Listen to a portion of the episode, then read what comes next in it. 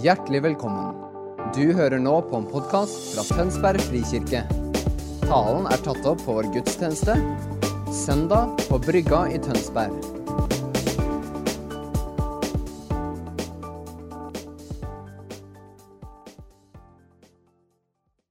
Ja, Jesus, vi takker og priser deg.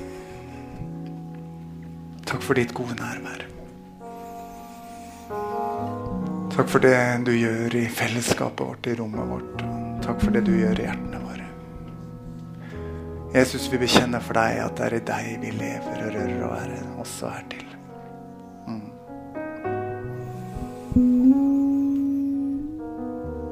Hellige Ånd, fortsett å gjøre det du gjør i den enkelte. Takk at du plasserer oss på pappafanget, Hellige Ånd. Skal slippe å gjøre tankesprang, men du plasserer oss der.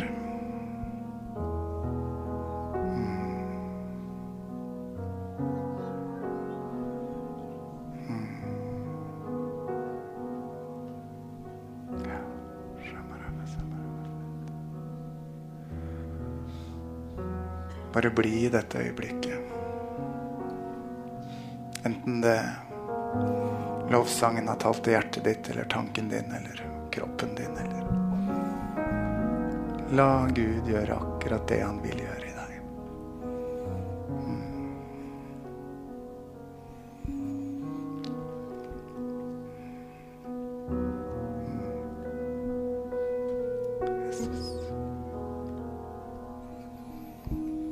Og Herre, nå ber vi om at du åpner ordet for oss ved din ånd. At du gjør det du har lova, Herre. At du lar ordet virke i hjertene våre og utrette det det nevner. Mm. Herre, må du salve og velsigne meg. Må du legge dine ord i min munn. Så det jeg sier, er ord du kan bruke til oppbyggelse for oss som menighet. Og til den enkelte av oss. Mm. Jesus, det handler virkelig bare om deg. Takk at du er her. Takk at du lever. Takk at vi kan få kalle deg Herre, konge i våre liv. Mm. Mm. Mm. Amen. Her kunne vi fortsatt, dere. Kunne vi ikke det? Jeg ser det på noen av dere. Dere er nesten til stede. Mm. Det er fint. Dere, vet du hva jeg er mer Vet du hva jeg er veldig takknemlig for? Det er at vi har lovsangsledere på huset som bruker så mye tid med Jesus. I ordet, i tilbedelsen, at de blir fortrolige med Den hellige ånds bevegelse. For det er det vi erfarer på søndag, dere. Frukten av time etter time etter time i intimitet med Jesus. Ingen kan lede lovsang på denne måten hvis ikke de har blitt venner av Jesus. Tusen takk for at dere gjør det. Oi. Jeg glemte iPaden min jeg, in the moment og alle ting.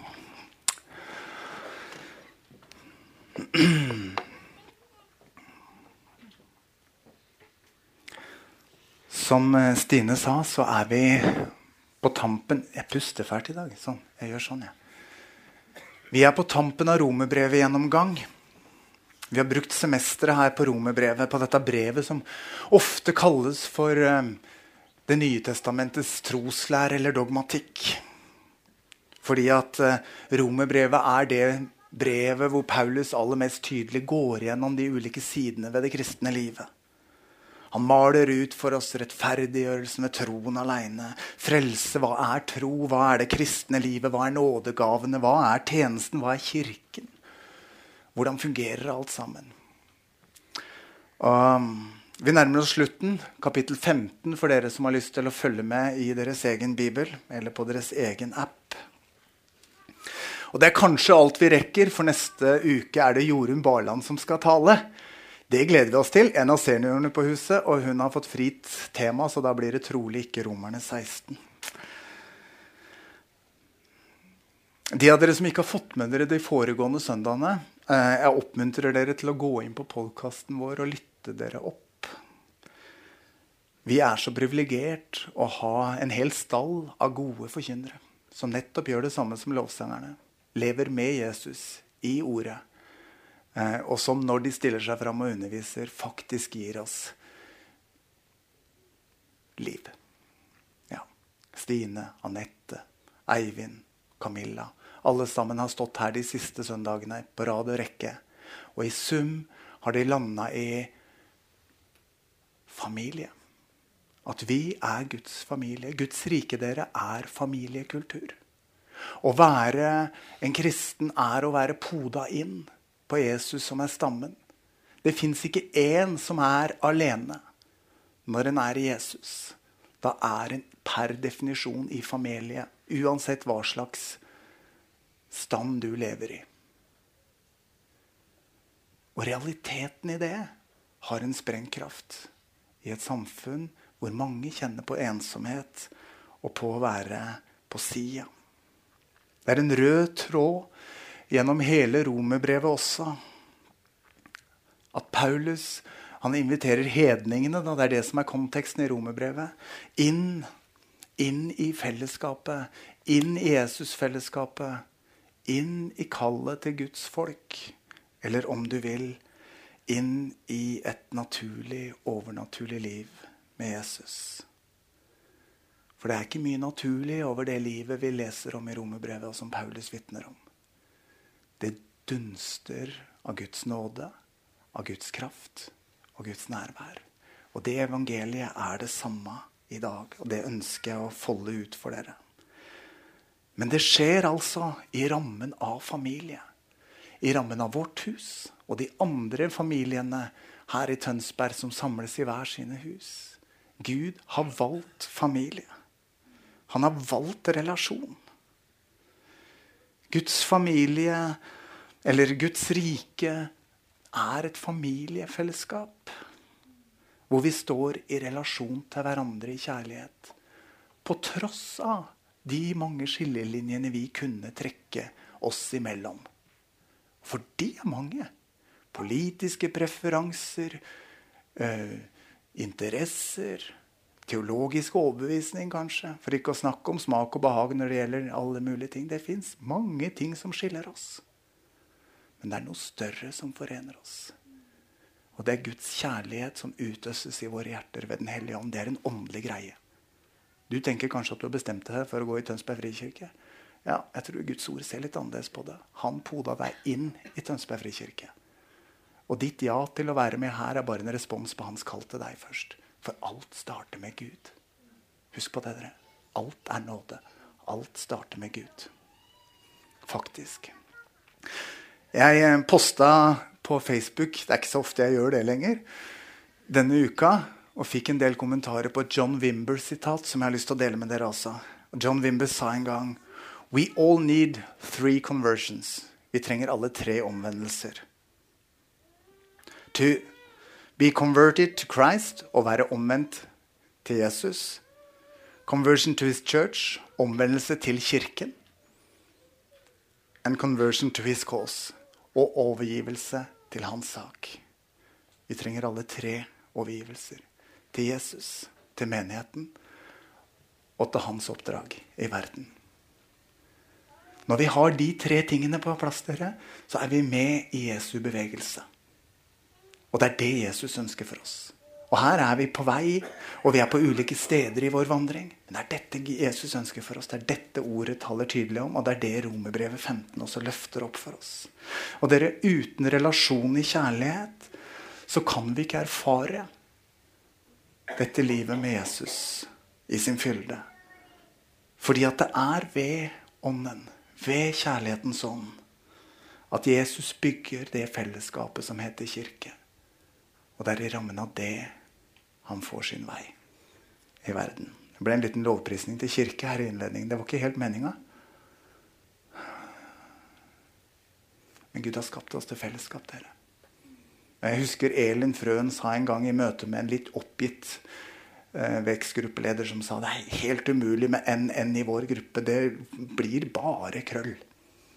Så lente Elin seg litt sånn på skrå og så sa du, enn har Gud plassert i din gruppe for å lære deg kjærlighet. Sånn som bare Elin kan si det. Men det er helt sant, dere. Kjærlighet der det flyter lett, er jo ingen sak. Det går helt av seg selv. Kjærlighet der det koster, er en dyrebar kjærlighet. Og den kjærligheten Jesus gir, er dyrekjøpt. Og han inviterer oss til å elske med den samme kjærligheten. Ok. Overskriften over det jeg har satt i dag, er simpelthen bare et lite quote fra dagens tekst. Romerne, eh, Romerne 15, vers 13. Må håpets Gud fylle dere. Jeg tror virkelig det ligger på Guds hjerte i dag, dere, å gi oss håp. Et håp som er noe annet enn optimisme og god tro. Et håp som Gud får lov til å fylle oss med ved sin ånd, akkurat som han sier i sitt ord. Og forskjellen dere på det håpet som, som vi kan pumpe opp i egen kraft, og det håpet han får lov til å fylle oss med, er at når livet prøves og noe er utfordrende, så svikter det håpet vi har pumpa opp sjøl. Jeg har tro på at dette skal gå bra. Du hører den litt innbitte holdningen, og så tenker vi vet sannelig ikke åssen dette kommer til å gå. Sant? Det er det menneskelige håpet. Men det håpet som Gud ønsker å fylle oss med ved sin ånd, det er et håp som Den hellige ånd føder i våre hjerter. Og når livet blir tøft, da bærer det håpet. Det håpet er ikke avhengig av omstendighetene. For et håp er ikke knytta til det vi ser, men det er en visshet for det vi tror. Hebreerne 11,1. Er dere med? Dette er noe annet. Hvis dere vil ha optimisme, så kan dere bare sette dere forsetter og pumpe dere opp og drive med, med mindfulness og alle disse tingene som verden prøver å gjøre for å oppmuntre seg selv. Men hvis dere vil ha et håp som bærer når alt annet brister, så må vi la oss fylle. Og dette er ikke karismatisk ordbruk, dette er bibelsk. Så uansett hvor du plasserer det, dette er for oss alle. Hvis du vil ha det håpet som bærer, så må du la deg fylle. Og enten du fylles med åpne, opprekte armer i lovprisning, eller i stille andakt med ordløs bønn, eller over en åpen bibel, det er helt uvesentlig for Herren.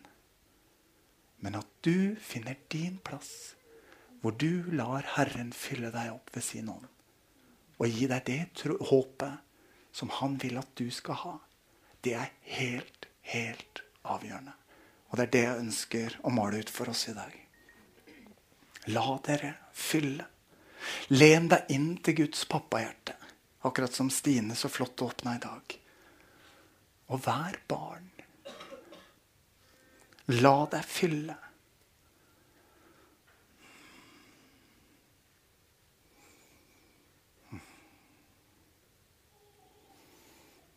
Det kom en tanke forbi, og så måtte jeg bestemme meg for om jeg skulle følge den eller ikke. Vi parkerer den litt, og så ser vi.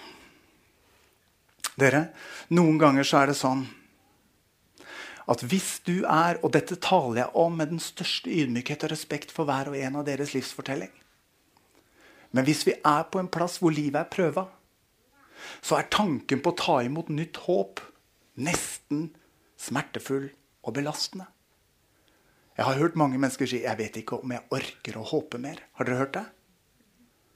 Ja, men da er det sitt eget håp de har holdt på med, da. Det er slitsomt.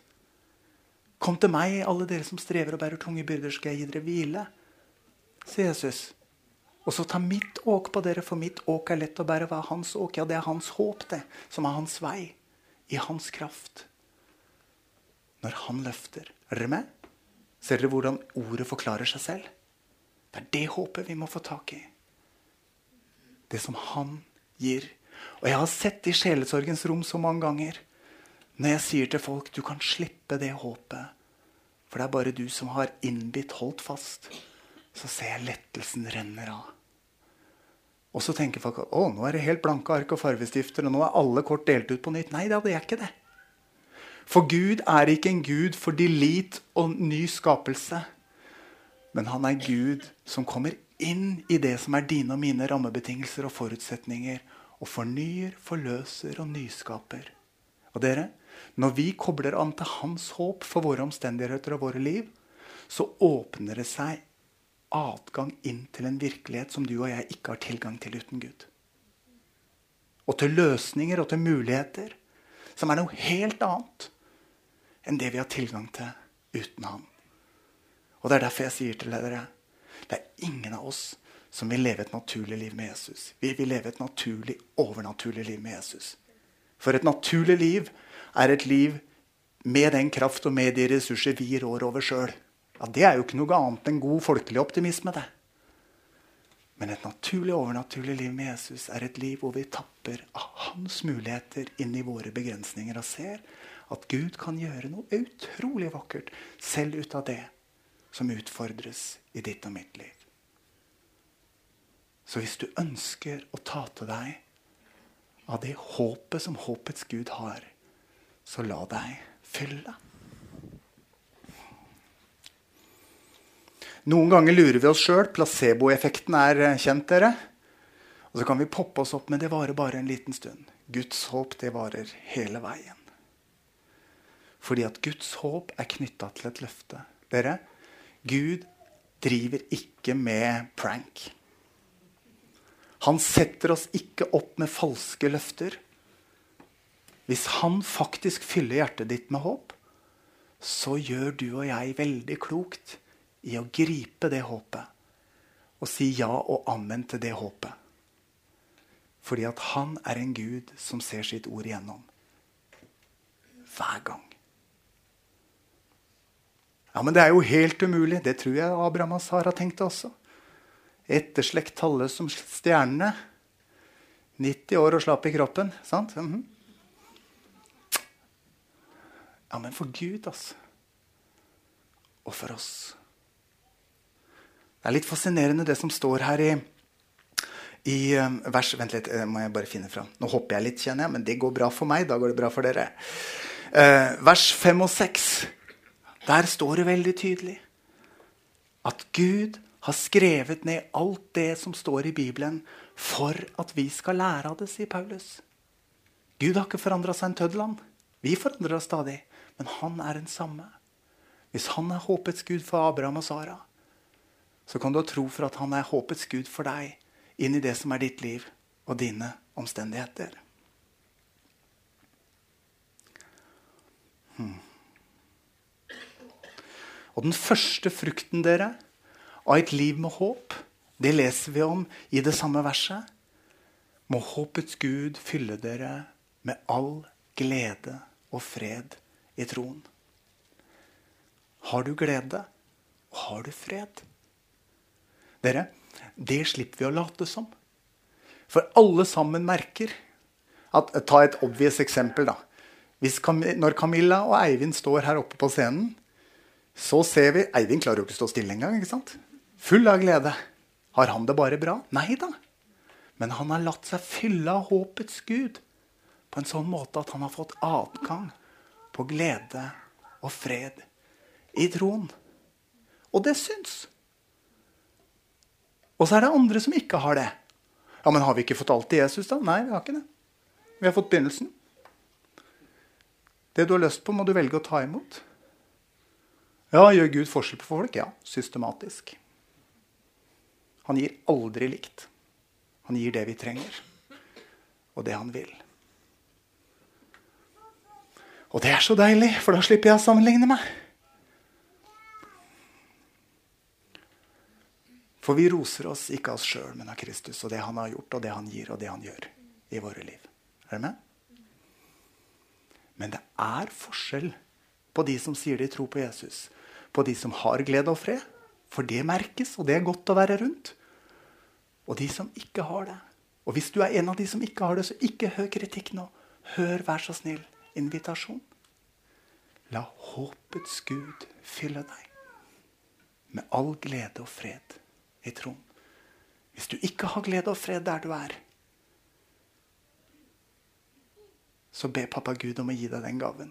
Den første frukten av håpet. Pappa Gud, jeg stoler på deg. Jesus, jeg stoler på deg. Jeg vil ta imot det du sier over mitt liv, og holde det for sant. Og jeg vil ta imot den gleden og freden som bare du kan gi. For det gjør dagene våre helt annerledes. Jeg kan vitne om i løpet av mitt nå snart 47 år lange liv Bursdag snart. At selv i tider som har vært veldig utfordrende, har jeg fått lov til å kjenne på takknemlighet og glede. Som en frukt av hva Gud gjør i mitt liv. Og ikke fordi jeg tar meg sammen. Og det er tilgjengelig for oss alle sammen. Virkelig. La Han fylle oss med all glede og fred i troen.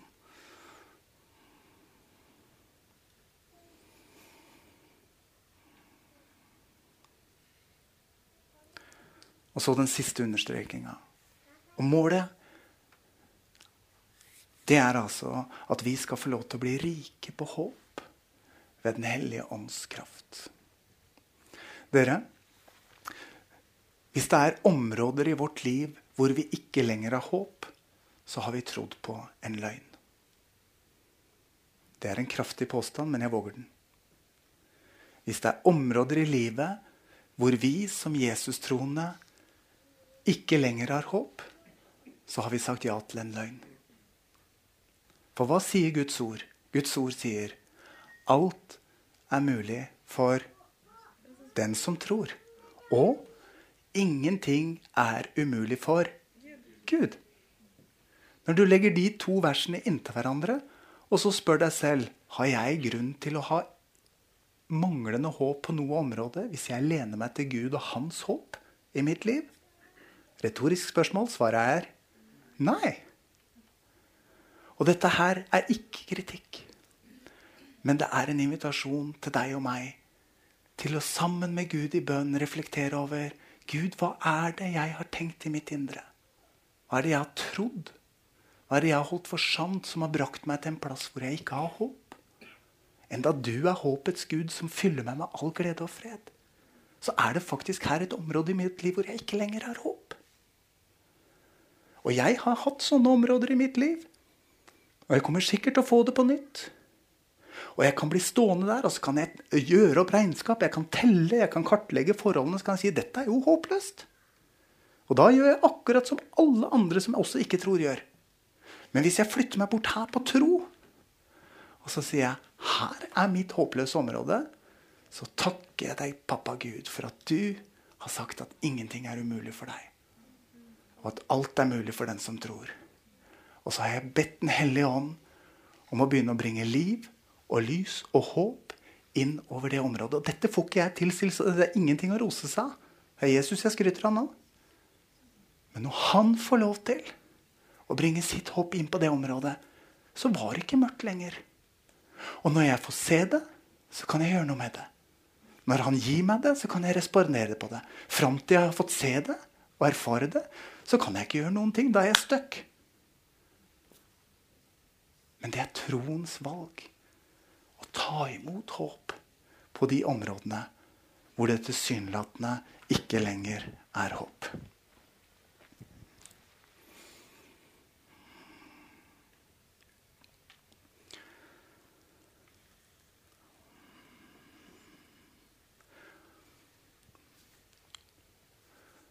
Når Paulus formaner romerne til dette, så handler det ikke bare om meg og mitt liv og mine omstendigheter. Men det handler om å hjelpe romerne til å koble seg på det som er sendelsen og oppdraget. Og det er viktig for meg å si det også. Gud har ikke gjort alt og tilveiebrakt alt bare for din og min skyld, så vårt liv skal bli så bra som mulig.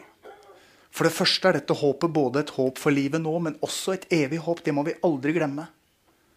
Og det er noen av de gamle, leser vi om i Skriftene, som trodde og levde i håp uten å se det innfridd.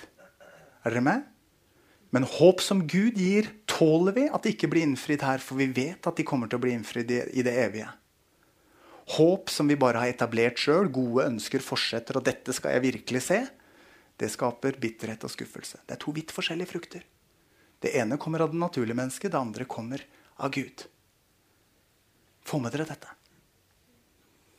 For det håpet som Gud gir, bringer glede og fred, selv om vi ikke ser innfrielsen av det før i det evige livet. Nå utfordrer jeg troen deres litt. For noen av dere tenker nå å, jeg vet ikke om jeg helt liker denne forkynnelsen her. fordi det, det her, Hvis ikke jeg ser det før i det himmelske, så har jeg ingen fordel av det her og nå. Gå til ordet, dere. Se hva Gud sier om det kristne livet. Noen håp gir han oss her og nå. For han er en god Gud som vil gi oss gode gaver. Og Jesus sier når selv dere som er onde, vet å gi barna deres gode gaver, hvor mye mer skal ikke min far i himmelen gi dere det dere ber om? Det er den ene sida. Men samtidig utfordrer Jesus veldig tydelig til å ville leve et liv hvor vi også gir slipp på. Han sier, 'Din vilje, ikke min. Ditt håp, ikke mitt håp'. Så hvis mitt hopp er en sånn svær cabincruiser Det er det ikke, bare så det er sagt. Men det kunne vært det. Så kan det hende jeg blir bitter hvis ikke jeg får det. Og det er banalt. Men hva om mitt håp er noe litt kristelig nå, da? Jeg skal stå på en scene og tale for 1000 mennesker. Ja, men du, Det var faktisk din ambisjon og ikke Guds kalle håp. Da er det lurt å legge det framfor Gud, sånn at han får lov til å puste på det og redefinere det. Sånn at det håpet du bærer, er likt med det håpet han vil gi. Sånn at den framtida du bringer, går i retninga, er den framtida han har satt klar for deg. Er dere med? For det å leve med Jesus er å ha han som herre. Og da er han ikke en lykkeprofet som vil putte på et ønske og får ut et svar i bånd i tråd med våre egne behov. Hva? Så I dette landskapet beveger vi oss. Men det handler faktisk om at vi er sendt Og det var der jeg var. Eh, vers 29 i Romerne 15. Vi er sendt, Paulus sier, når jeg kommer til dere, kommer jeg med en rikdom av Kristi velsignelse. Det er ikke småtteri. Det er det vi er kalt til. Å møte våre omstendigheter, møte våre liv, møte de folka vi er sendt til. Og hver og en av oss er sendt til forskjellige plasser. Og primært er de fleste av dere sendt til de folka dere jobber med. Eller har fritidsinteresse med. Og av og til gir Gud dere noe ekstra i tillegg. Men primært har dere sendelsen deres der. Ingen av oss trenger å lure på hva vi er kalt til egentlig. Med mindre vi har veldig ufred og Gud driver og omorganiserer noe. For i utgangspunktet har Gud kalt dere til det han har satt rett foran dere. Er dere med? Og til det er vi kalt til å komme med en rikdom av Kristi velsignelse. Vi kommer altså ikke tomhendt. Vi kommer ikke bare med oss sjøl, dere, når vi møter mennesker i våre liv. Vi kommer med rikdom av Kristi velsignelse. Og så kan vi si ja, men hva i all verden er det, da? Ja, Det kommer helt an på hva slags behov de har som er foran deg. det. Hvis det er praktisk hjelp de foran deg trenger, så er rikdommen av Kristi velsignelse din vilje til å si 'jeg kan kjøre', jeg. Jeg kan hente det for deg. Jeg, jeg kan slå den plenen. Jeg. Eller jeg kan osv. Hvis behovet for den du møter, er økonomisk bekymring, så er rikdommen av Kristi velsignelse at du gir en tusenlapp og sier 'vet du hva', tror pappa Gud vil at du skulle ha den. Ikke bare fordi du bestemmer deg, men fordi du kjenner Gud på det. Eller kanskje vedkommende heller skulle få en litt finansiell rådgivning og hjelp til å forvalte det han eller henne har. Vet ikke. Kan være forskjellig. Hvis de vi er sendt til, sitter med mismot og har mista håp, så er det kanskje et oppmuntringsord.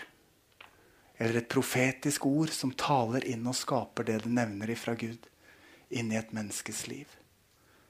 Som er rikdommen av Kristi velsignelse. Og er de du møter, syke, så er det at vi tro legger hånda og ber. Nettopp rikdommen av Kristi velsignelse. Ja, men tenk om de ikke blir friske med en gang, da? Tenker vi lett, og så lar vi være. Ja, men det vet du jo ikke før du har bedt. Og veldig mange av oss lar være å be fordi vi syns det er skummelt å rekke hånda fram. Og så går vi glipp av å se at det faktisk er sant at vi kommer med en rikdom av Kristi velsignelse på hver eneste plass vi sendes.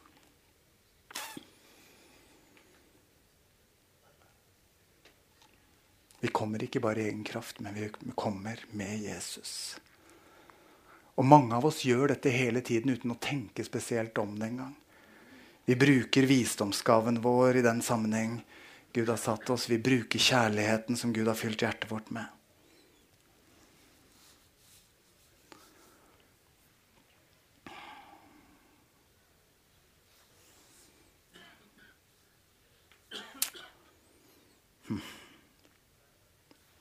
Beklager dere, nå diskuterer jeg veldig med meg selv. Eller, ja.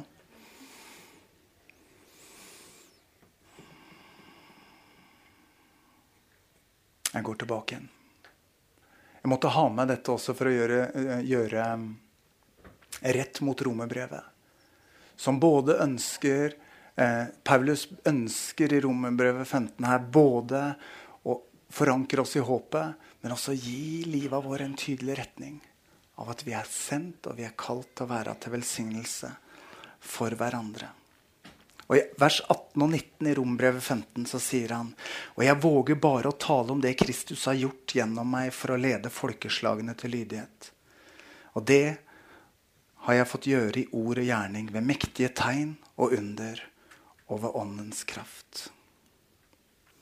Dere, kristne som trøster bare med empatisk medfølelse, uten håp, har ikke kraft i seg til å bryte mørkets makt.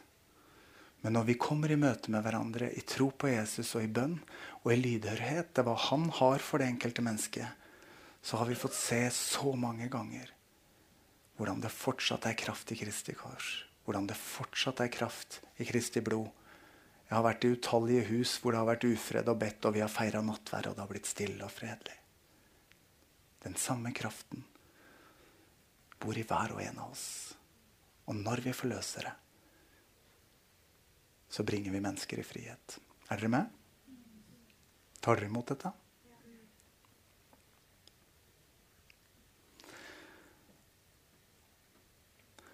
Men jeg har lyst til allikevel å lande i det personlige. For jeg kjenner at det er det som ligger på Guds hjerte. Og lovsangsteamet kan komme opp. Um, jeg har lyst til å lande nettopp i det her som har med håp å gjøre. Og jeg har lyst til, hvis det er ok for dere, at dere lukker øynene og, og er i dere selv og for dere selv og lar de andre være for seg selv et øyeblikk. Og lar tanken gå til den eller de plassene hvor du kjenner at du har vært uten håp. Kanskje du hadde et håp som brast. Kanskje du fortsatt prøver å holde fast i håpet, men du er litt i stuss. Da har jeg lyst til at du nå, der du sitter, begynner å samtale med Jesus inni deg om det. Og legge fram for ham. Og han vet, så du trenger ikke bruke mange ord, men legg fram for ham den eller de plassene i ditt liv hvor du har kjent på bundethet, begrensning, oppgitthet, synd som ikke slipper taket, en relasjon som bare går i lås. Et håp om en framtid som synes å vente, la vente på seg. Det kan være masse. Legg det fram for Jesus. For det her er en troshandling når du gjør det. Hvis du vil gjøre det, legge det framfor ham. Og legge ned ditt eget og si Herre, nå legger jeg ned dette. Jeg vil ikke lenger bære dette og prøve å ta meg sammen og pumpe opp et håp. Nå legger jeg dette framfor deg.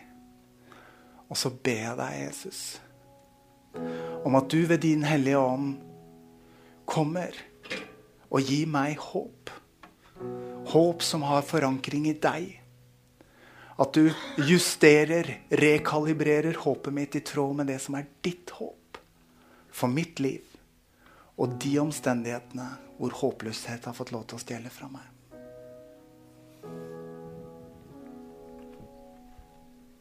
Og mens vi har øynene lukket nå, så vil jeg veldig gjerne at dere stoler på meg Og at dere gir til kjenne med å rekke opp hånda hvis du kjenner at ja, det er i hvert fall ett område, eller kanskje flere, hvor håpløshet har fått lov til å råde i mitt liv. Så skal vi be for dere som nå gir dere til kjenne. Og dette er mest av alt for Gud, men jeg ønsker å be for dere. Takk, Jesus. Vær frimodige. Takk, Jesus. Takk, Jesus. Gud velsigne dere alle sammen. Hvis det er flere, så kom, uh, rekk opp hånda nå. Dette er for deg. Det handler ikke om de andre. Det er bare jeg som ser. Hmm. Herre Jesus, vi takker deg for at du er håpets Gud. At du er levende, at du er nærværende, at du er oppstanden. Og vi takker deg for hver og en som har valgt å legge fram for deg nå, Jesus. Områder som har vært forbundet med mismot eller manglende håp. Hellige Ånd, vil du komme med din salveolje? Vil du smøre, lege og røre ved de områder i livet som er stivna til, fullt av mørke, fullt av sår? Ta det her, Jesus. Ta det her, Jesus.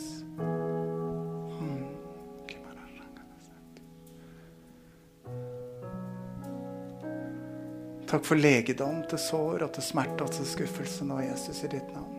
Og så ber jeg, God Hellige Ånd, vil du komme som et vårregn og la det bare risle over livet våre. Inn i hver og en av våre hjerter, inn i våre tanker, inn i vårt sinn. Ditt håp, Herre Jesus, på de områdene.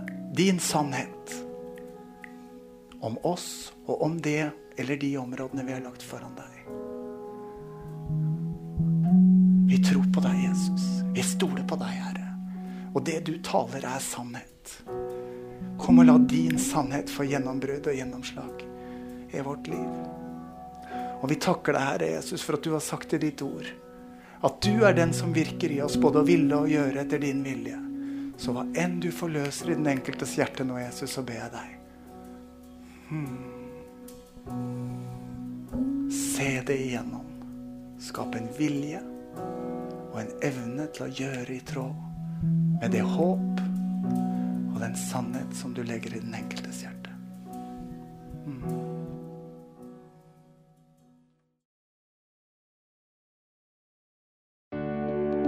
Takk for at du hørte på vår podkast. Har du spørsmål eller ønsker du å vite mer? Søk oss på vår nettside tonsbergfrikirke.no. Du er også velkommen til kirke på Brygga i Tønsberg.